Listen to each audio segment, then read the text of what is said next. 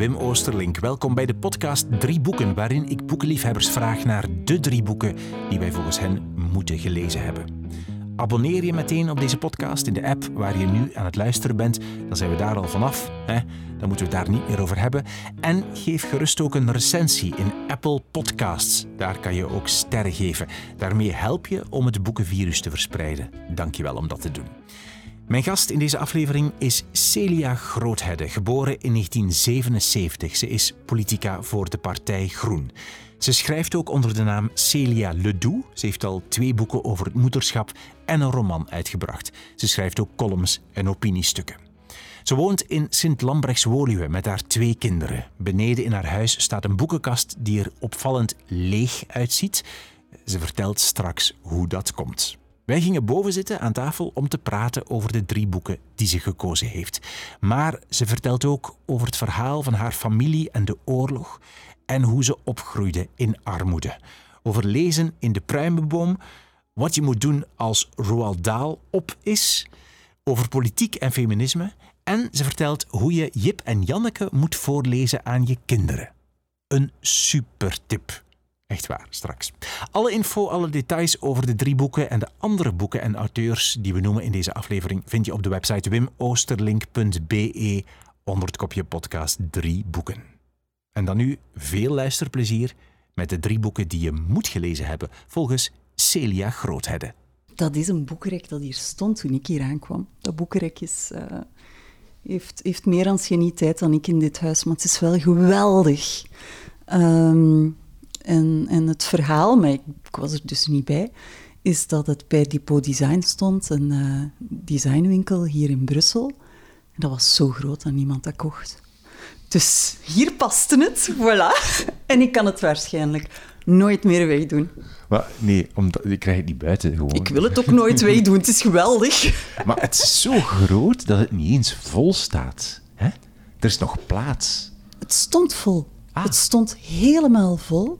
En ik had twee extra afgeladen kastenboeken die in dubbele rij stonden. Zo. En ik had zelfs een aantal dubbele rijen in die heel grote kast. Maar ik ben een paar jaar geleden verhuisd, toen ik pas gescheiden was. En um, bij de verhuis is iemand heel, heel behulpzaam willen zijn, maar ook wel heel eigen gereid. En die heeft heel veel van mijn boeken weggedaan. En ik vond dat heel erg. Er zijn nog altijd boeken die ik zo... Een boek is een, een een verhaal en een herinnering, maar een boek is ook echt een object. En er zijn een aantal boeken die ik echt gewoon graag had. Ik had zo'n oude editie van ehm, George Sand. En die was zelfs nog ongesneden. Ik had die ergens gevonden in de slechte toen ik, ik weet niet, 21 was of zo. Meegenomen, die kostte niks, maar dat was zo een van die bezittingen zo. En die heb ik niet meer. En toen ik 19 was, heb ik in Berlijn een dagboek gekocht van, dat, dat op een boekenmarkt lag. Ik heb nog een tijdje gedacht van ik ga die opsporen, maar dat is er nooit van gekomen. Van een uh, in de twintigjarige die tijdens de, de scheiding van Oost- en West-Berlijn gewoon over haar leven vertelde. Dus daar stond heel veel over alle jongens waarop ze verliefd was. En dan was het weer een andere jongen en er stonden hartjes en alleen zo heel dagboekachtig. Ja, het was ook een dagboek. Ehm, maar ook ernstige dingen. Allee, gaandeweg zie je dan de levensloop van die persoon veranderen ook. Ze krijgt haar eerste job. Ehm, en dat is er niet meer. Maar wat ik het allerergste vind, wat echt, waar die boeken bij in het niet vallen, is dat mijn heel archief weg was. Dus de doos waar alles in zat dat ik ooit had geschreven, ik had dat bijgehouden, gewoon in zo'n, ja, dat was niet groot, gewoon de artikels en de columns. En, en die is weg. En dat was echt, dat was echt alsof er een stuk van mij weg was. Maar ik wil niemand beledigen, maar allee, wie, wie, wie doet dat? Ik ga geen namen noemen, maar ik denk dat eigenlijk zo een soort een beetje paternalistisch was van dit heb je niet nodig en wat zit hier in oude brol? En ja, ja, tuurlijk was dat oude brol. Die kranten waren al tien jaar oud. En ja, ik vond dat... Ik heb zo geweend toen die doos weg was. Dat was echt zo... Mijn dagboek heb ik wel nog. Dus ik heb nog een doos, misschien twee, zo'n opbergdoos waar zo al die dagboeken in zitten. En als die weg zouden zijn, dat zou echt... Oh. Maar er is dan heel veel... Er zijn heel veel boeken verdwenen. Superveel. Want ja, als je zegt dat... Want je zegt rekkenvrij in jouw boekenrek. En ja, en Als Alles dat vol stond vol. jongen, Ja. echt. Ja, ja, ja, mijn boeken was... eh, ja. Hangt hier af- ik word zo in mijn rug bekeken door een affiche waarop staat Always be reading something, he said. Even when we're not physically reading, how else will we read the world? Wat is dat? Dat is een affiche van eh Passaporta. Die delen elk jaar tijdens...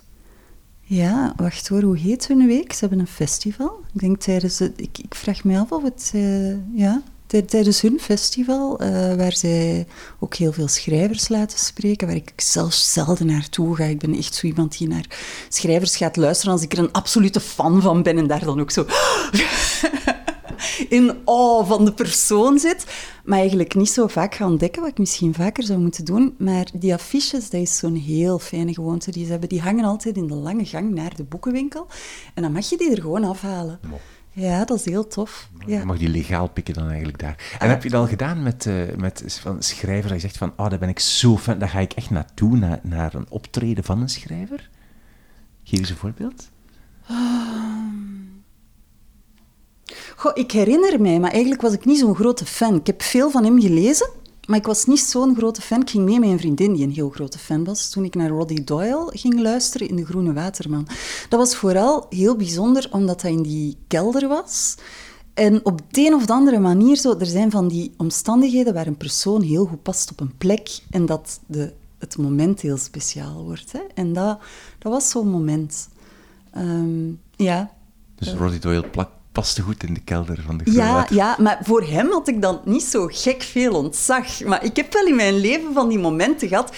Ik herinner mij een examen dat ik echt tegenover een prof zat en wist wat die man allemaal had gedaan. En toen zat ik echt... Ik kreeg een blackout. Zo'n, zo'n, ja, ik wist het allemaal Blackout. gewoon even niet meer, ja. En ik heb echt gezegd, sorry, ik ben zo onder de indruk van wat hij Maar, en wie- maar hij had mij wel in de lessen zo vaak in- meegemaakt. En ik heb dan blijkbaar toch nog een en ander gezegd. Ik weet ook voor de rest nauwelijks nog hoe dat examen ging, dat ik toch een 14 kreeg.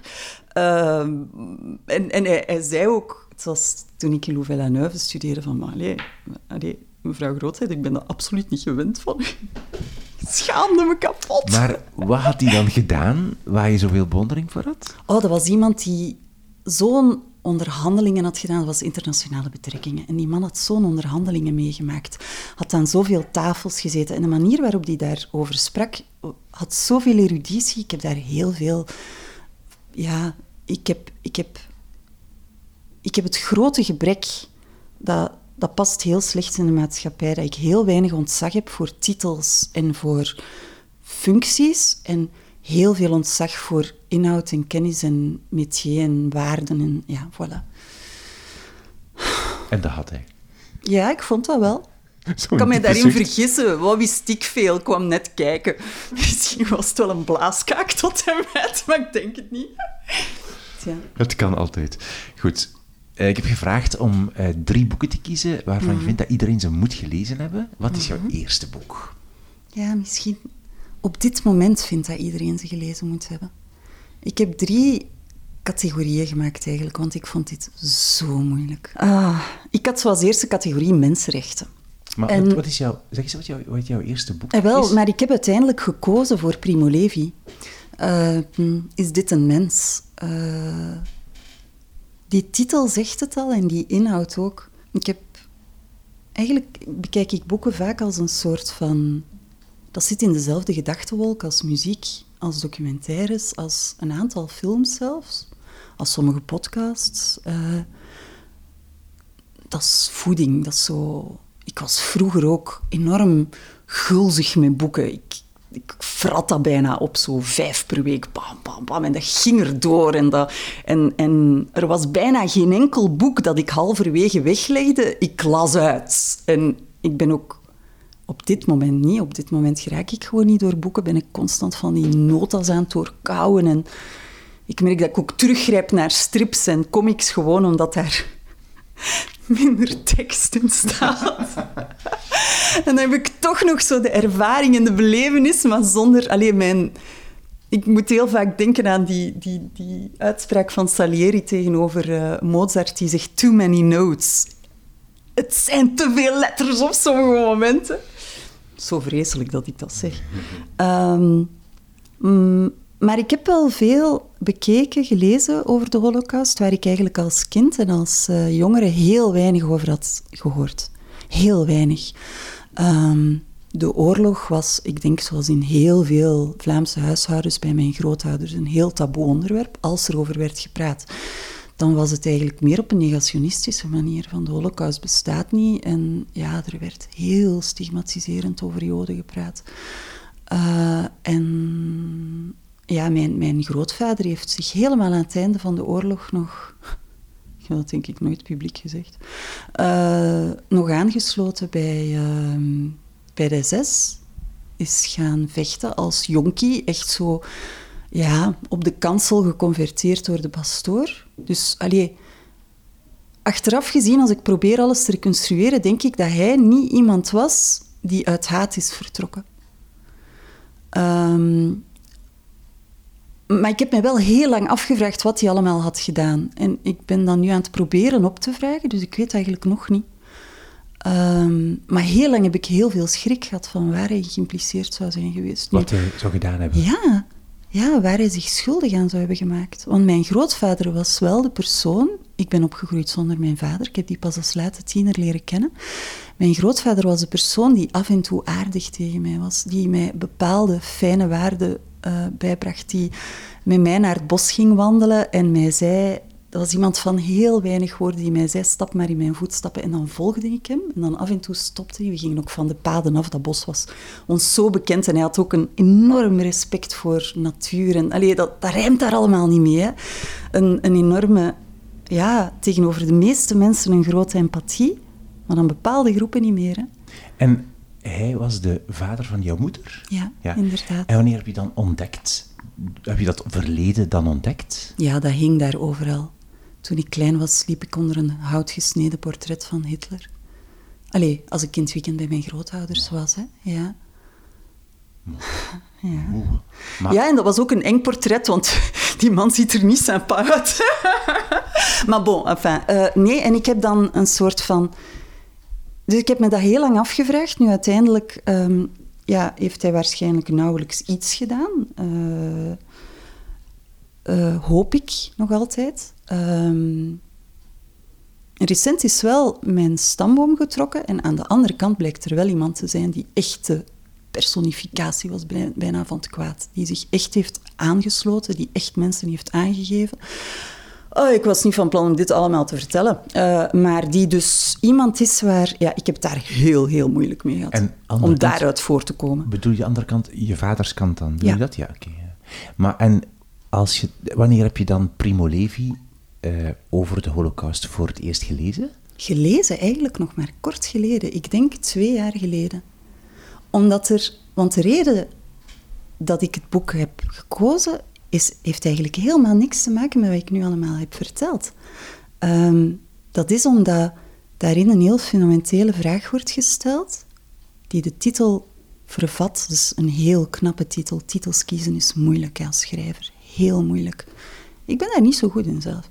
Um, en zijn centrale vraag is heel belangrijk. Dat is als je laagjes en laagjes van de waardigheid van een mens afstript, van dus wat men van buitenaf ziet, ben je dan nog altijd een mens. Maar alles is wel verteld vanuit zijn eigen perspectief, van de persoon van wie het wordt afgestript. En dat is. Er bestaat niet zoiets als menselijkend, maar het is wel het tegendeel van ontmenselijkend voor mij. Medeleven en de andere als mens zien is iets wat, wij, wat, wat zo basic vervat zit in onze natuur, in ons doen, in zo sociale wezen dat wij zijn. Wij horen in een kleine groep, wij zijn daarop afgesteld en ontworpen. Een baby wordt prematuur geboren zo, en die, dat is een van onze grote krachten ook. Dat hij zoveel kan opslorpen in die eerste tijd, waarin dat zo'n kwetsbaar compleet hulpeloos wezentje is. Er zijn nauwelijks wezens die zo prematuur geboren worden, die zoveel zorg nodig hebben. En er zijn zoveel daden van extreme menselijkheid, van enorm altruïsme van beseffen dat de ander eigenlijk niet zo gescheiden is van jezelf. En dan is er het compleet andere uiterste. En ik zie dat wel soms de laatste jaren opkomen. En daarom heb ik ook die categorie gekozen, want anders zouden het allemaal happy-go-lucky, leuke boekjes zijn geweest. Maar ja, sorry, dat is dus niet zo. Op dit moment moet je Primo Levi lezen, verdorie. Ja, Vind ik. Goed, is het um, we hebben, je hebt nog niet verteld wat er eigenlijk in het boek staat. Dan moet je misschien even nog kort doen, even zeggen van waar gaat het eigenlijk over? Oh ja, dat is misschien wel basis. Hè?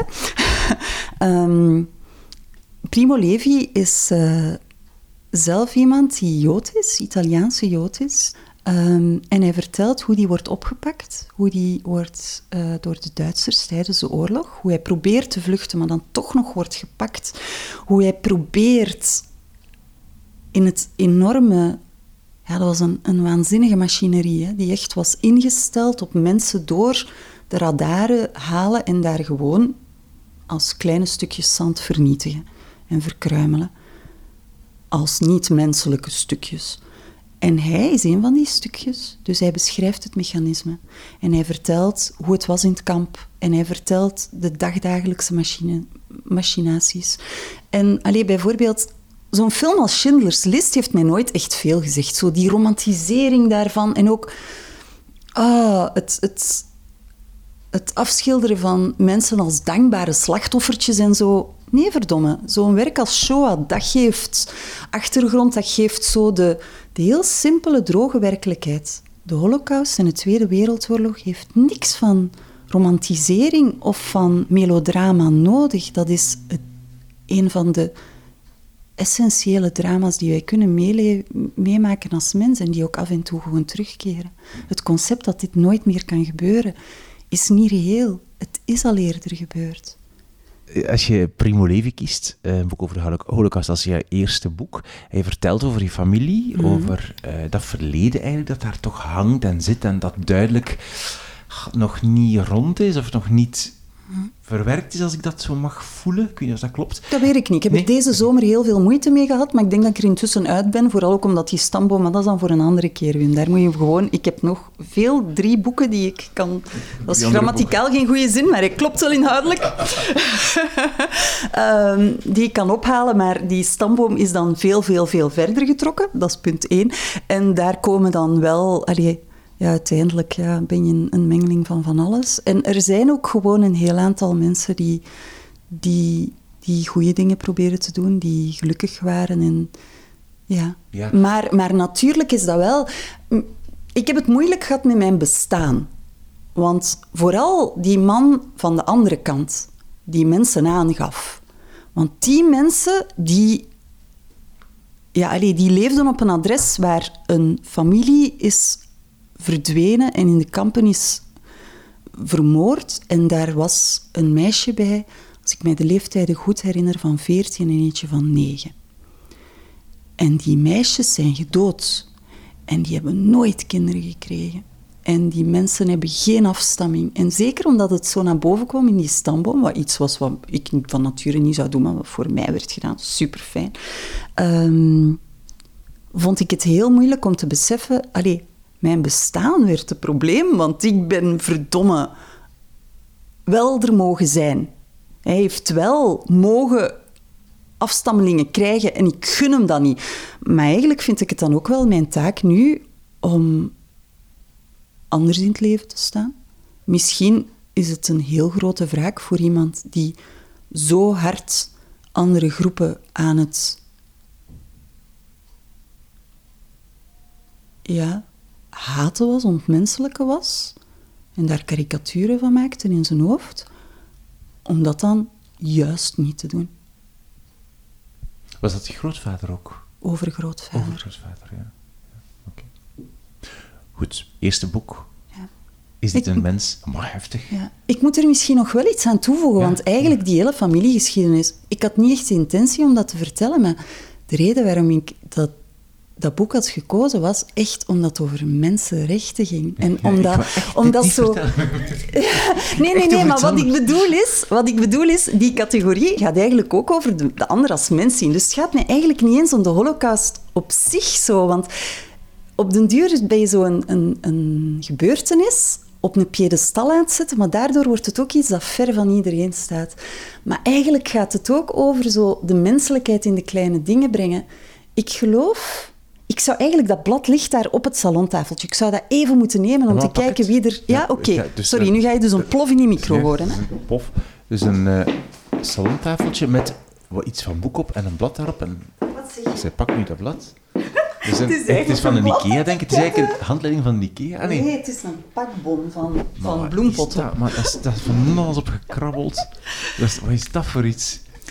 Wim, ik heb je er een screenshot van gestuurd, dus je moet niet verrast doen. Een screenshot? ik heb die niet gehad. Heb ik een screenshot van dat? Jawel, ik heb dat gestuurd. Echt Waarom zou waar. je dat meteen gedelete? dat is waar. Dat is waar. Waar. Nee, nee, ik heb dat, het zegt mij niks. Maar wat is het? Wat is het? Want ik, heb, ik ga het opzoeken. Het was eigenlijk van het moment dat jij, eh, jij mij had gevraagd om dat te doen, die avond nog, ben ik beginnen boeken neerkrabbelen op een papiertje. Ja, over boeken. Ja, Ja, echt waar. Ja, excuseer, ik, ik herinner mij niet. Maar ver- vertel eens, wat staat daarop wat we nu moeten weten? Ehm, dat was gewoon een, een verzameling boeken. Ah, voilà, nu zie ik het. Ik had het jou geschreven. Naomi Wolf had ik er ook nog op staan. The Beauty Myth. En dat gaat over iets heel anders. Hè, want die twee anderen zijn nog redelijk politiek. Maar Naomi Wolf, The Beauty Myth, gaat over, over het opgelegde schoonheidsideaal. Maar ook zo het, het, het karkan waar wij vrouwen insteken. Kijk, heb er hier eigenlijk nog eentje liggen. Fatima Mernissi. Achter de sluier. Daar heeft ze het over... ehm, over de verschillende... Dat is een, eh, een eh, feministe... ehm enfin, sociologe, die een paar jaar geleden is gestorven. Een Marokkaanse. En die op een bepaald moment ook schrijft over zo de manier waar de vrouw wordt gezien in het oosten versus het westen. En wanneer haar boek bijna af is, en ze schrijft dan nog in dat boek, zegt ze op een bepaald moment, ja, ik was zo blij dat dit boek af was, dat ik naar een groot warenhuis ben gegaan. Ik was op dat moment in Parijs en ik ging een heel mooie jurk kopen. En toen hoorde ik dat ze geen kleren in mijn maat hadden. En toen besefte ik opeens, en dan begint ze over het Westen te praten. Dus ze draait de, de visie om en ze zegt: Ik besefte opeens, in het Oosten worden vrouwen misschien wel opgesloten. Allee, om het heel karikaturaal te stellen, wordt hun, hun stem vaak tot zwijgen gebracht en zijn ze opstandig en verzetten ze zich daartegen. Maar in het Westen is het veel insidieuzer. Een vrouw moet zichzelf eigenlijk opsluiten in haar lichaam. En die enorme epidemie aan eetstoornissen die wij hebben onder jonge vrouwen, maar stilaan eigenlijk ook onder jonge mannen. Allee, vaak toch, hè, jonge mensen. Niet alleen, maar, maar ook. Die is daar voor mij wel een teken van. Van de, enorme verwachtingen die aan mensen onuitgesproken worden opgelegd. Die wij eigenlijk zonder woorden, maar heel duidelijk communiceren. En daardoor hen ook een beetje ontmenselijken. Ik vind feminisme ook... Een tijdje geleden zei, stuurde iemand op Twitter mij een bericht. Ik ben het zo eens met uw bericht, maar ik vind het wel spijtig dat er feministen in uw bio staat, want daarmee voel ik mij... Het was een man, eh, een jonge man. eh, daardoor voel ik mij eigenlijk wel aangevallen. En ik heb hem ook geantwoord. Hij heeft er niet meer op geantwoord, vond ik wel spijtig. Ah, het feminisme is voor mij echt de gelijkheid van kansen tussen, tussen man en vrouw. En MVX zelfs. En... ehm, het mogen jezelf zijn en jezelf ontplooien en geen onnatuurlijke hordes hebben. En feminisme is er trouwens ook wel echt voor mannen. Ik geloof dat ook echt. Maar de conversatie stopt daar vaak. En er zijn nogthans heel veel dingen waar feminisme voor mannen veel zou kunnen betekenen. Want jullie mogen heel weinig. Hè? Wij, als jij hier toe kwam in een rok, dan zou dat opvallen. Maar als ik een broek aan had, dan zou niemand daar naar kijken. Als ik ga boksen, dan wordt dat stoer gevonden. Maar als jij ballet doet, dan word jij daar een beetje vreemd over aangekeken. En mijn zoon, een paar jaar geleden, die is nu zes, maar die heeft twee jaar geleden een manie gehad, dat hij echt... Allee, manie, zo'n bui. Dat hij echt dol was op, eh, op Frozen en prinsessen. En die wou opeens jurken aan. En ik was eigenlijk zo wel een beetje verrast, want die had nooit enig teken van... Allee, en toen zag ik hem zo in dat wit-zilveren jurkje en ik heb hem nog maar zelden zo zien stralen. Het was wel pokkenduur, dus ik heb het niet gekocht. Ik heb een andere gekocht, sorry. Ja, ik kon mij dat echt niet veroorloven. maar zijn klasgenootje, die kon voor carnaval wel als Batman gaan. Maar hij als prinses, daar hebben wij het echt... Hij was vijf en hij had zelf al door, mama, ja, ze gaan mij uitlachen. Hè. Dus toen hebben we daar zo op zijn niveau eigenlijk een heel serieus gesprek over gehad. En uiteindelijk is hij niet als prinses gegaan. Maar ja, Hij heeft bijvoorbeeld zilveren laarsjes, die zien er helemaal niet meisjesachtig uit. Maar hij wordt daar wel af en toe op aangesproken van zijn meisjesschoenen. En intussen is hij al zo ver dat hij dan antwoordt, jij hebt geen smaak. en heeft gelijk. maar jongens worden daar verdomme op aangevallen, Wim. Als ik een sneaker draag, dan vindt iedereen dat doodnormaal. En jullie moeten stoer zijn en jullie mogen geen psychische problemen hebben. En het moet, moet, moet, moet, moet allemaal. En intussen is Allee, jullie hebben nog altijd veel meer privilege. Hè, zo.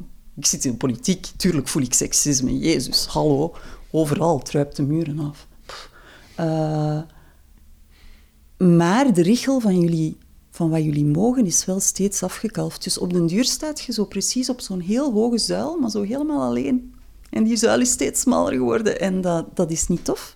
Feminisme zou heel veel voor mannen kunnen doen. Genoeg over jongens. We gaan, uh, terug naar terug de naar meisjes. Jouw eerste boek was uh, Primo Levi, Is dit een mens? Wat is jouw tweede boek? Sue Townsend, The Queen and I. Direct een titel met een grammaticale fout in. Woehoe! Is dat The Queen and Me, moet dat eigenlijk zijn? Ja. Ah. ja. Oké, waarom? Waarom heb je het gekozen? Niet voor de grammaticale fout, ja. neem ik aan. Wel, die, ik, had zo, ik heb dus in categorieën gewerkt, dus ik heb hier allemaal titels zitten noteren. En de tweede categorie heb ik de kijk van de ander genoemd. Zo, de wereld... Oh, Wim, echt waar. Ik ben zo jong beginnen, beginnen te lezen. Ik zat daar elk weekend bij mijn grootouders helemaal alleen opgesloten. Daar was niks te doen. En op een gegeven moment kwam dan, brak dan ook nog de Dutroux-affaire. Dus toen werden ze bang daar in dat compleet afgelegen plekje dat ik dan ook nog zou worden ontvoerd. Dus je mocht maar tot aan de hoek, terwijl er 100 meter verder de enige buur was en verder vossen, herten en een paar konijnen. En koeien natuurlijk in de wei. En hoe, um, hoe oud was je toen? Oh, dat weet ik eigenlijk niet meer helemaal. Maar allee, zo, sowieso, mijn hele jeugd lang zijn boeken een ontsnapping geweest. Dat was zo... Oh, er zijn zoveel momenten die ik me herinner, zoals ik daarover spreek, zo van die beelden die in mij opkomen. Zo ik op de zolder, terwijl ik zo de oude kranten die daar lagen zo aan het bekijken ben van wat staat daar allemaal in de stapels die uh, werden bovengehouden.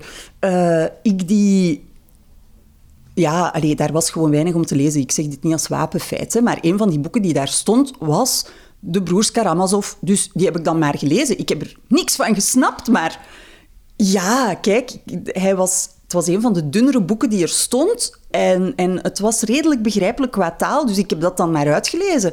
Um, en momenten dat ik mijn boek... Oh, dat was zo heerlijk. Ze hadden zo'n kleine boomgaard, mijn grootouders. En... Um, een van de pruimenbomen in de, winter, uh, in de zomer, die kruin, die verborg, ja. Dus ik kroop daarin. Ik klom heel graag in bomen.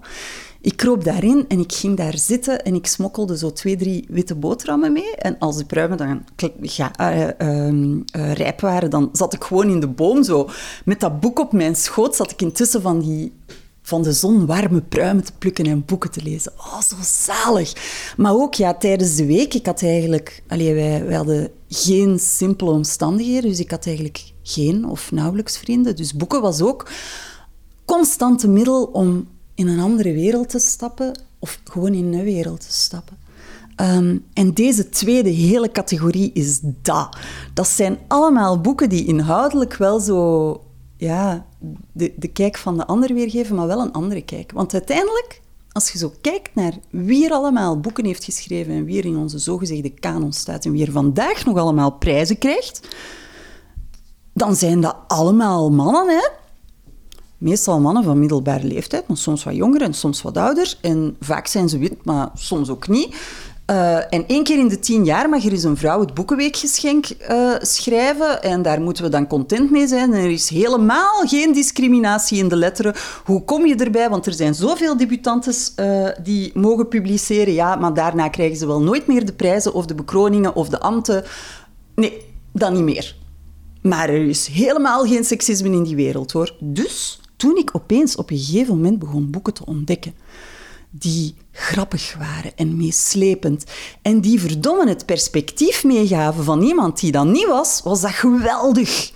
En daar zitten dus in die tweede categorie, ik denk dat de eerste in dat genre was Christine Hemrechts, die heel openlijk vanuit de vrouw spreekt en de vrouwelijke seksualiteit, en wel een beetje een weirde seksualiteit. Ik las dat als tiener en ik schrok er eigenlijk allemaal wel een beetje van, maar het was wel cool. En ik herinner mij nog altijd dat ze zo'n... zo'n zo'n het was niet eens seks, maar zo'n scène schreef waarin ze haar personage liet wegdromen naar een massage krijgen van een Zweedse masseur. En dat was heel sec beschreven. Dat was niet, dat was niet Turks fruit of zo. Helemaal niet. Daar kwam, ik weet niet eens of er echt zoiets heel seksueels in kwam. Maar dat was zo beeldend. En dat was eindelijk eens een beeld waarvan ik dacht, ah, hier kan ik tenminste iets van herkennen. Terwijl blond zijn haar haren en wuivend haar lokken en daar stapt ze door het graan. Sorry, hè, dat is niet mijn kanon hoor. Dat is de kanon van een heel klein stukje mensen. En die kijk van de ander, die toont dat. En al die boeken die daarin staan, die zijn rollercoasters. En Sue Townsend ook. Sue Townsend is zelfs de kijk van een ander opgelegd aan, aan de mensen die, die bij uitstek de uitverkorenen van de maatschappij zijn. de royal family. Wat, ik heb iets vragen. Voor je uitlegt waar het boek over gaat. Ja. Ehm, al als je, zegt, als je het hebt over ehm, boeken die de blik van de ander eh, Mhm. weergeven, is wat je zegt, hè, bedoel je dan altijd de vrouw? Nee, absoluut Nee, niet. Je bedoelt gewoon in het Elke algemeen. ander, Oké, ja. David Sedaris heeft een prachtig oeuvre van fantastische boeken geschreven. Ah, En wat is daar Me dan de Talk blik? Pretty One Day. Ja, dat is zo het... ehm, een gay jongen die opgroeit in een gezin dat niet bepaald conventioneel is, die dan ook nog van Griekse afkomst is, die, en die er zelfs die, die kijk van de ander gebruikt door het super grappig te maken, maar die daardoor eigenlijk wel de status quo constant een beetje te kakken zet, maar dan zonder dat het één moment zo belerend wordt als deze zin klinkt. Want het is, ja, dat is wel zo, hè? Dat is super grappig. En Sue Townsend doet dat ook in The en- Queen and I. En wat je zei, de Royal Mhm. Family. Vertel, waar gaat het boek over? Het eh, concept is, op een dag komt er een regering aan de macht. Townsend had al eerder geschreven over, over Thatcheriaans regime met het, het dagboek van Adrian Mole en de opvolgers daarvan. En ik kan die grappen pas, nu ik veel meer over politiek weet, echt appreciëren. Dus ik moet dat eigenlijk weer in huis halen. Dat is een van die vele boeken... Allee, dat zijn van de vele boeken die weg zijn. Ehm, van hoe een, een jongetje dat in totale armoede door het Thatcheriaanse regime heel erg aan het meejuichen is in de, de oorlog om de Falklands. En Thatcher heeft helemaal gelijk. En ja, allee, dat is natuurlijk het vaak gaat. Hè. Maar in The Queen and I tackelt ze de royal family. Dus in het begin van het boek eh, komt er een regering aan de macht die ehm, eigenlijk vrij sociaal gezind is. Maar ja, sociaal gezind met toch wel een tintje liberalisme erbij, in de zin van... Ja, ze willen de royal family wel weg, dus die moeten allemaal maar in een council estate, in een sociale woonwijk gaan wonen. En natuurlijk is dat een sociale woonwijk nadat Thatcher al is gepasseerd door Groot-Brittannië en de volledige kaalslag van het sociale veld heeft, heeft bewerkstelligd. En het mooie is dat dus die hypergeprivilegeerde familie, die eigenlijk ook totaal onaangepast is aan het gewone leven, zoals veel geprivilegeerde mensen, hè, kom aan, dat die belandt in omstandigheden waar zelfs mensen die generatiearmen zijn, heel moeilijk overleven. En het leven constant moeilijk worden gemaakt. En dus gebeuren er heel interessante dingen. Prins Charles is nog een van de gelukkigste, want die heeft een volkstuintje en die wordt nooit meer lastiggevallen en die vindt het allemaal maar wel prima zo. Maar als ik mij niet vergis, want het is een tijd geleden dat ik het heb gelezen, hè, de Queen zelf is eigenlijk, het is vanuit haar standpunt geschreven. En de Queen zelf is misschien een van de mensen die nog het meest... Allee, ze ziet haar volledige familie ja, in het verval raken. Hè. Haar kleinkinderen die lopen op straat en beginnen lichte jeugdcriminaliteit uit te halen. En op een gegeven moment wordt er zelfs eentje opgepakt. En Lady Di die krijgt een minnaar die... Heel tof. Het is een man van kleur. Maar hij is wel een beetje hoger in status, maar je ziet daar wel zitten. maar ja, die wordt dus een soort van maîtresse van iemand. Dat huwelijk valt uit elkaar. Dat viel natuurlijk daarvoor al uit elkaar, maar nu zijn alle, is alle schijn weg. Maar de queen heeft ook heel veel reële problemen van armen. Dus ze heeft een, een, een elektriciteitsmeter en ze heeft geen geld meer om daarin te steken.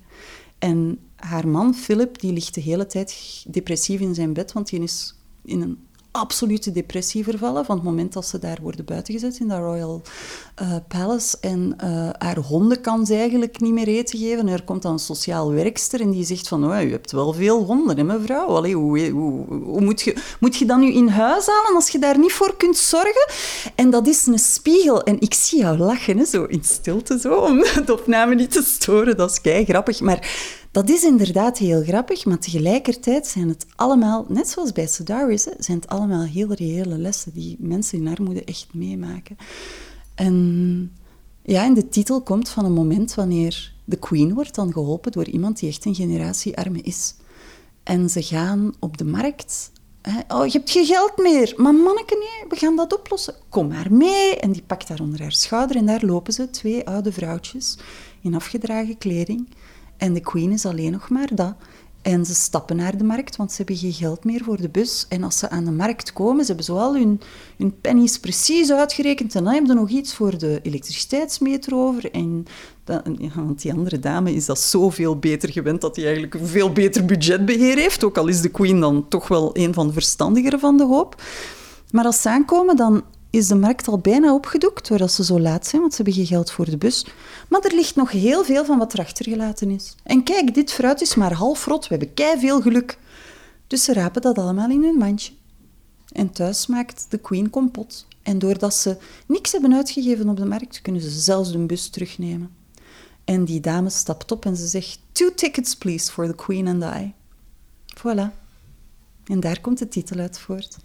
En zelfs als ik het vertel, kan ik zelfs niet om dat boek lachen, want het is zo echt. Ik heb gisteren juist in die plenaire vergadering van het Vlaams parlement over armoede gesproken. En ik vind dat zo onthutsend hoe ver van het bed van zoveel mensen dat staat en hoe die armen als een fundamenteel ander soort mensen zien. Allee, en, en dat idee van, je bent gay, dus je bent niet menselijk... Allee, oh, godverdomme, daar gaan we weer. ja, het komt er toch een beetje op neer, zo de kijk van de ander, die gewoon in het centrum wordt gezet. Ja, want je bent zelf, eh, zelf, je zei dat je een moeilijke jeugd hebt, je bent opgegroeid echt in armoede zelf. Ja, Klopt ja, ik heb het geluk gehad dat ik dan op een gegeven moment, hè, want ik word dan ook, ik zal dat dan in één adem erbij zeggen, ik word dan regelmatig aangehaald van, ja, maar het is ook een voorbeeld dat je eruit geraakt. Ja, nonsens. Ik heb op mijn vijftiende mijn vader leren kennen, die een verstandige relatie was aangegaan met iemand die hem netjes op het rechte pad hield. En dat waren middenklassers en daardoor heb ik kunnen studeren. Mijn hele jeugd lang heeft mijn moeder luid opgepiekerd over wat ze moest met een kind waarvan op het oudercontact werd gezegd van ja, ze studeert graag en ze leest zo graag en, en ze zou... En gaandeweg werd er steeds duidelijker dat ik wel zou kunnen studeren, maar hoe gingen we dat in godsnaam betalen? En dan was ze luid op aan het dromen van mij op de militaire academie te zetten. En ik was zo een onhandig kindje dat heel de tijd las en dat geen vrienden had en dat gepest werd. En ik mocht er niet aan denken. Achteraf was het misschien nog wel cool geweest. maar, en hoe, hoe, komt dat, hoe komt het dat jullie, eh, jullie in armoede leefden? Hoe komt dat, komt dat door jou, wat er met jouw moeder gebeurt? Ik, ik weet niet wat... Maar er is niks nodig om mensen in armoede te laten leven. Dat is het concept juist, dat dat de schuld van iets is. Nee, allee. Zij was um, ehm, 22 toen ze van mij zwanger werd. En zij was als kind van een heel kroostrijke familie georiënteerd naar een heel lage richting.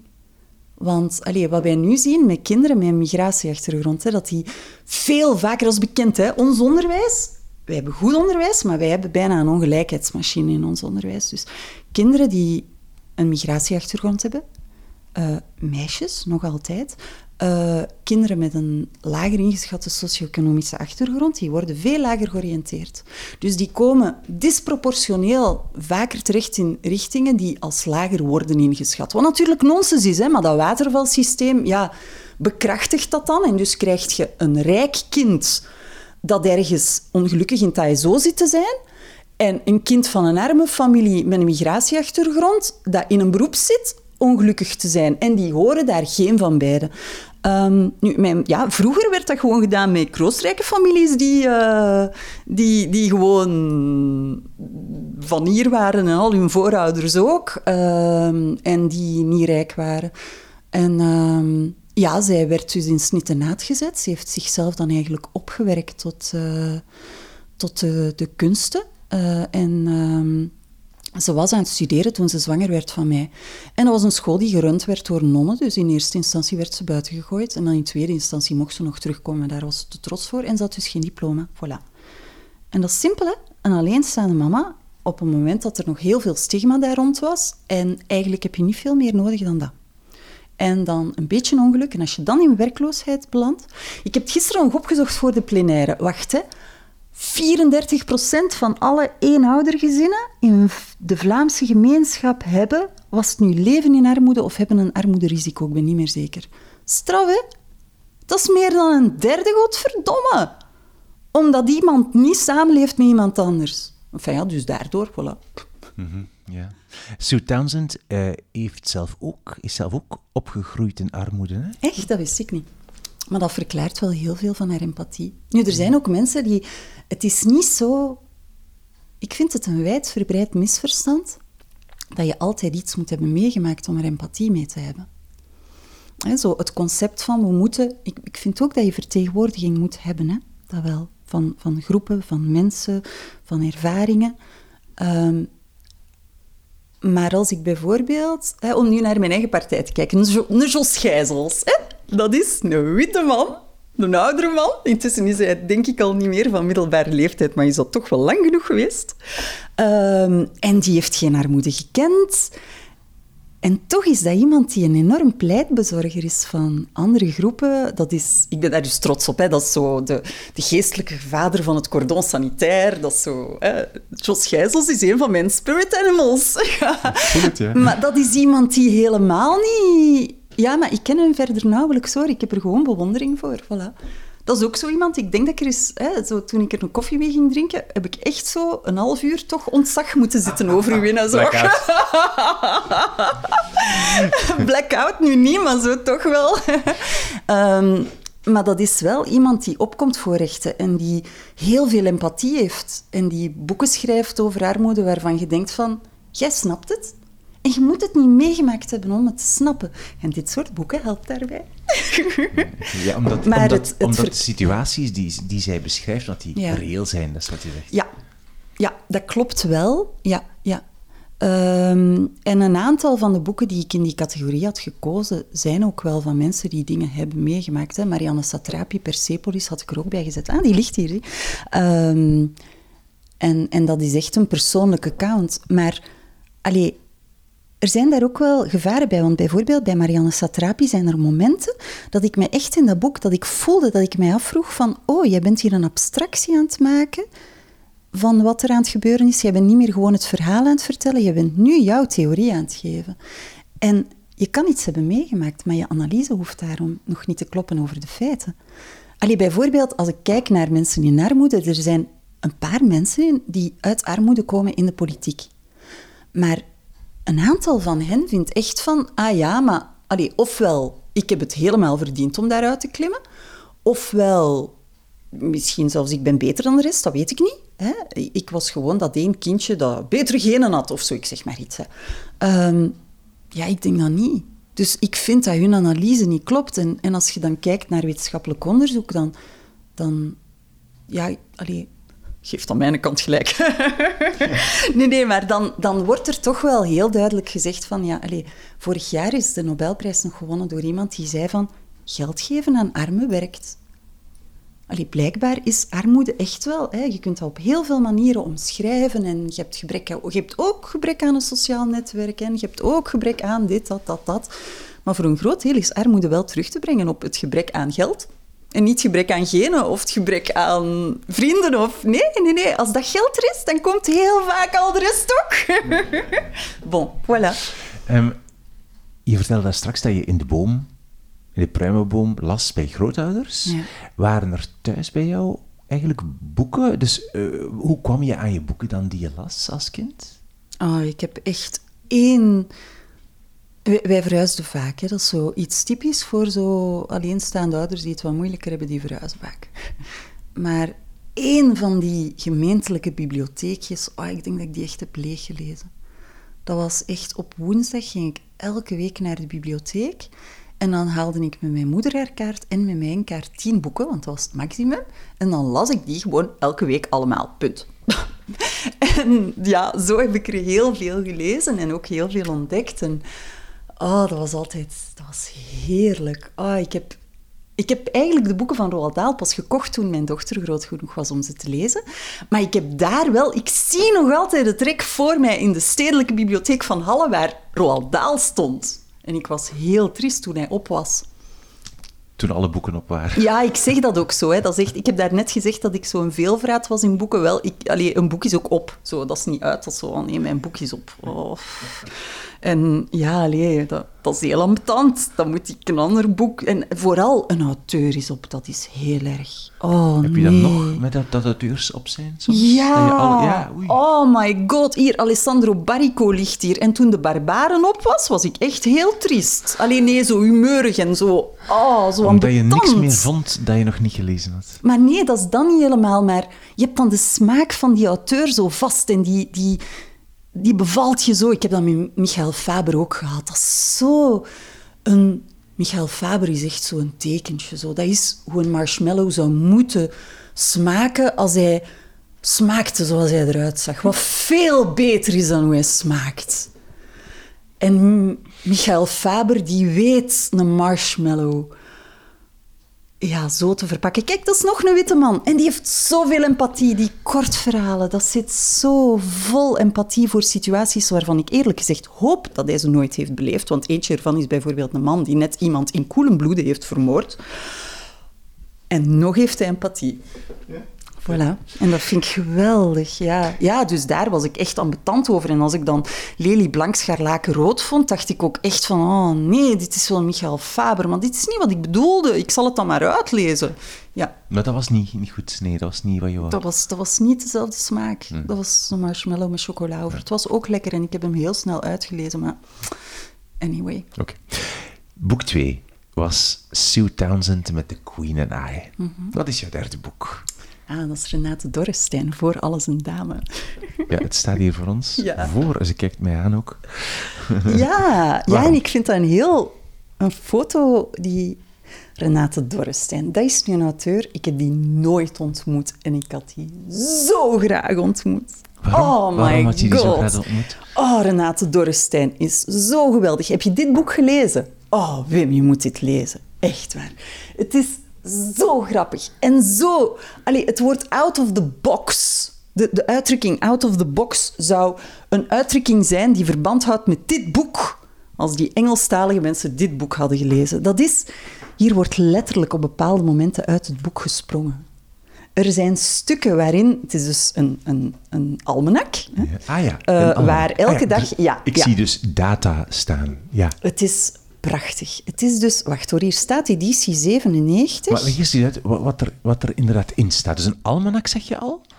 Het is dus een almanak en op elke dag ehm, wordt er één vrouw die op die dag geboren is, gevierd. Dus ze heeft echt zo de, de boekenwereld omgedraaid. Want dit boek is ook wel een boekenweekgeschenk. Dat is een van die één boeken op de tien jaar die een vrouw mocht schrijven. En Renate Dorrestein in het diepst van mijn gedachten fantaseer ik dat zij dacht: oké, nu ga ik het er eens goed van pakken.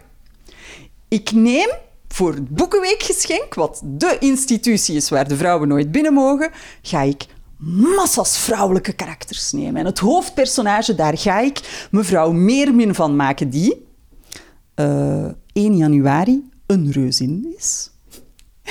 en, in, en, en lesgeeft in een internaat voor moeilijk opvoedbare meisjes.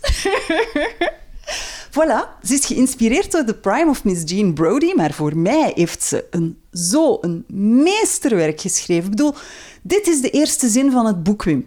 Nieuwjaarsvoornemens hoeft mevrouw Meermin... Oh, heeft mevrouw Meermin gelukkig niet te hoeven maken, dubbelpunt. Haar man is al dood.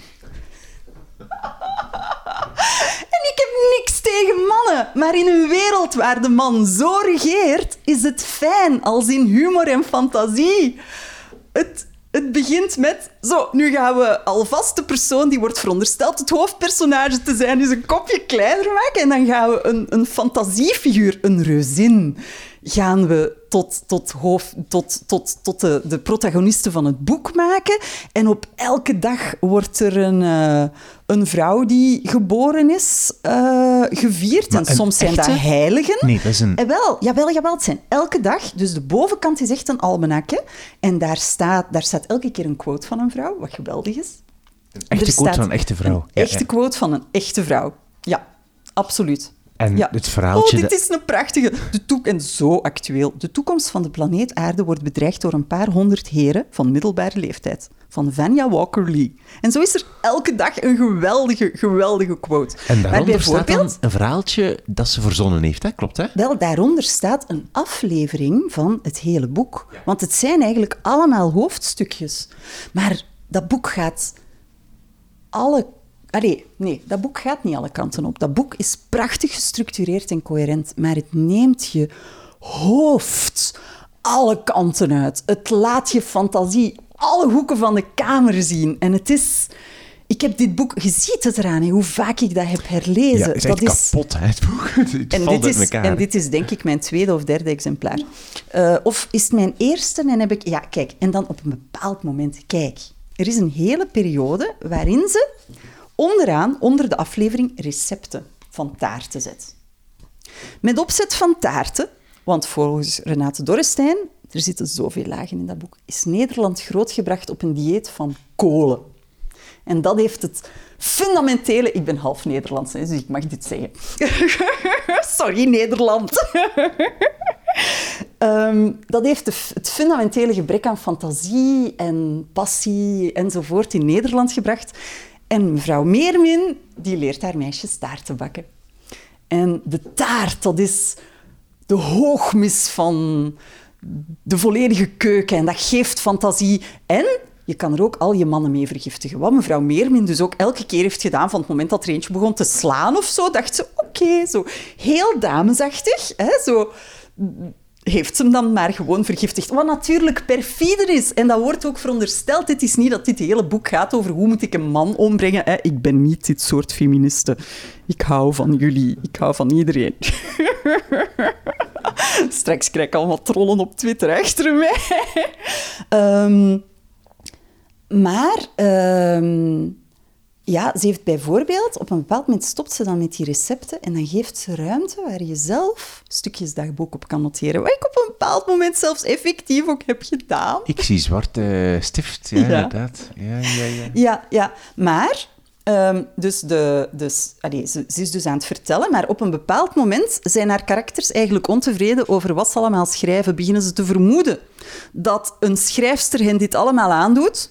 Hebben ze daarover gehoord en gaan ze naar haar huis. En vanaf dat moment neemt een van de karakters het over, wordt het in een ander eh, lettertype en zo geschreven van ja, we hebben haar ergens, ge, we hebben haar ergens gekneveld en ze is nog een beetje aan het roepen in haar, in haar, eh, in haar opbergruimte over dat ze wel eh, de nieuwe feministische revolutie moet zitten ontketen met, met iemand die Anja Meulenbelt heet of zo, dat soort dingen. Wat dus effectief dingen zijn die Renate Dorrestein regelmatig ook zegt van we hebben zo, zo met patat, dat is, ja, kijk, ze zegt wel patat, maar ja, ze is een Nederlandse. Iedereen heeft zelfs Renate Dorrestein. Maar dus het concept van, van een feministische revolutie aan de keukentafel, weet je Wim, allee, de wereld is geschoeid op mannen. Hè? En eigenlijk is Renate Dorrestein zo'n vrouw die, die, die meisjes en tieners en jonge vrouwen een beeld kan geven van hoe je de wereld mocht zien naar je eigen beeld. En dit is, again, hè, allee, ik heb het over Sue ook gezegd, lees het maar gewoon zonder enige, moet ik dat zeggen, moraal erachter, want het is gewoon een geweldig boek zo. En ik heb het ook gelezen als een geweldig boek zo, maar gaandeweg ben ik er wel door het zoveel te herlezen, zoveel in gaan ontdekken. En ik ben een herlezer, dus ik apprecieer ook boeken die meerdere lagen hebben, zo hard. Ik heb ook zelf geprobeerd om in mijn roman voor de herlezer heel veel paaseieren te verstoppen. Ik heb er veel te lang aan gewerkt, jong. Ja, ik had de, de, de, de ijdele hoop dat mensen dat ding zouden herlezen en dat zouden ontdekken. Zo, hè, voor alle boekenrecensenten out there als je verveelt onder de lockdown. ah, Je, maar hebt, eh, ja. je hebt zelf eh, één roman geschreven en twee boeken over ehm, ja, moeders, eigenlijk non-fictieboeken over moederschap. Ja, over, ouderschap, over zwangerschap, geboorte en eerste leeftijd. Wat vond, je, wat vond je het moeilijkste om te schrijven? Of het makkelijkste? Dat kan ik echt niet beantwoorden. Dat is, alleen. elk boek is iets dat je maakt, dat uit je voortkomt. En dat gaat op een volledig andere manier. En dat is ook iets heel anders. Ik ben op dit moment ook aan een boek aan het werken. Ik heb er niet genoeg tijd voor. Omdat ik zo hard in politiek bezig ben. En elke keer zie ik weer een dringende nood. En dan ga ik daar dan maar mee aan de slag, onnozelaar dat ik ben. wat, wat Eigenlijk moet ik geen, geen klap uithalen in dat parlement. Ik word toch wel betaald, hè, maar ik werk me echt te pletter, godverdomme. En wat voor boek ben je nu aan het, aan het schrijven? Ik ben nu een boek aan het schrijven over... Ehm, ja, ik vind het eigenlijk wel een goede werktitel trouwens. Mijn werktitel is Wees een man. En het gaat over een bevrijdingsbeweging voor jongens en mannen. Maar fictie? Of nee, geen fictie. Non-fictie? Nee, ja.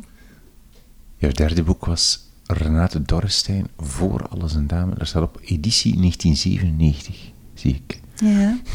Ik was daar net ook al aan het kijken van... Is er dan een editie van ervoor geweest? Maar ik denk dat dit echt de originele uitgave is eigenlijk. Wil jij jouw drie boeken nog eens herhalen, alsjeblieft? Wat was jouw eerste boek? Mijn eerste boek was Is dit een mens van Primo Levi? Jouw tweede? The Queen and I van Sue Townsend. En drie? Voor alles een dame, Renate Dorrestein. Oké, dankjewel. Ik, heb nog, ik wil nog graag dat je even, als je dat wil, jouw tip hoe je Jip en Janneke moet voorlezen. Je hebt dat ooit, ooit ergens verteld en ik vind dat zo geniaal. Zou je dat alsjeblieft willen vertellen aan ons nog? Bij kleuter- en kinderboeken zijn er heel veel helden die jongens zijn. En de mama's staan heel vaak in de keuken. En de papa's gaan naar het werk. En de meisjes koken. En de jongens spelen in plassen en worden vuil en zijn ondeugend. En bij Jip en Janneke is dat ook zo, maar het zijn wel heel leuke verhaaltjes. Ik heb ze zelfs heel graag voorgelezen, liever dan mijn kinderen ze hoorden, jammer genoeg. Maar als je Jip voorleest als Janneke en Janneke als Jip, dan heb je opeens een heel stoer meisje dat heel veel onder haar stoerheid heel veel menselijkheid en lieve dingen verbergt.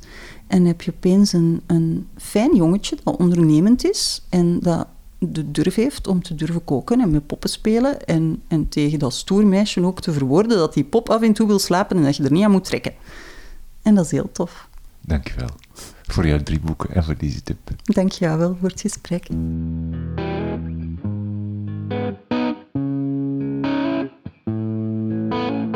Dit was mijn gesprek met Celia Groothedde. wimoosterlink.be, Het kopje podcast drie boeken, daar moet je zijn. Voor alle info over de auteurs en de boeken die je hoorde in deze aflevering. En voor alle andere afleveringen van deze podcast. Als je mij plezier wilt doen, laat vandaag of morgen aan twee vriendinnen of vrienden boekenliefhebbers weten dat ze ook eens naar deze podcast moeten luisteren. En hoe ze dat precies moeten doen op hun telefoon of op hun computer. Dankjewel. Ik ben Wim Oosterlink. Dit is de podcast Drie Boeken. Dank je voor het luisteren en tot de volgende keer.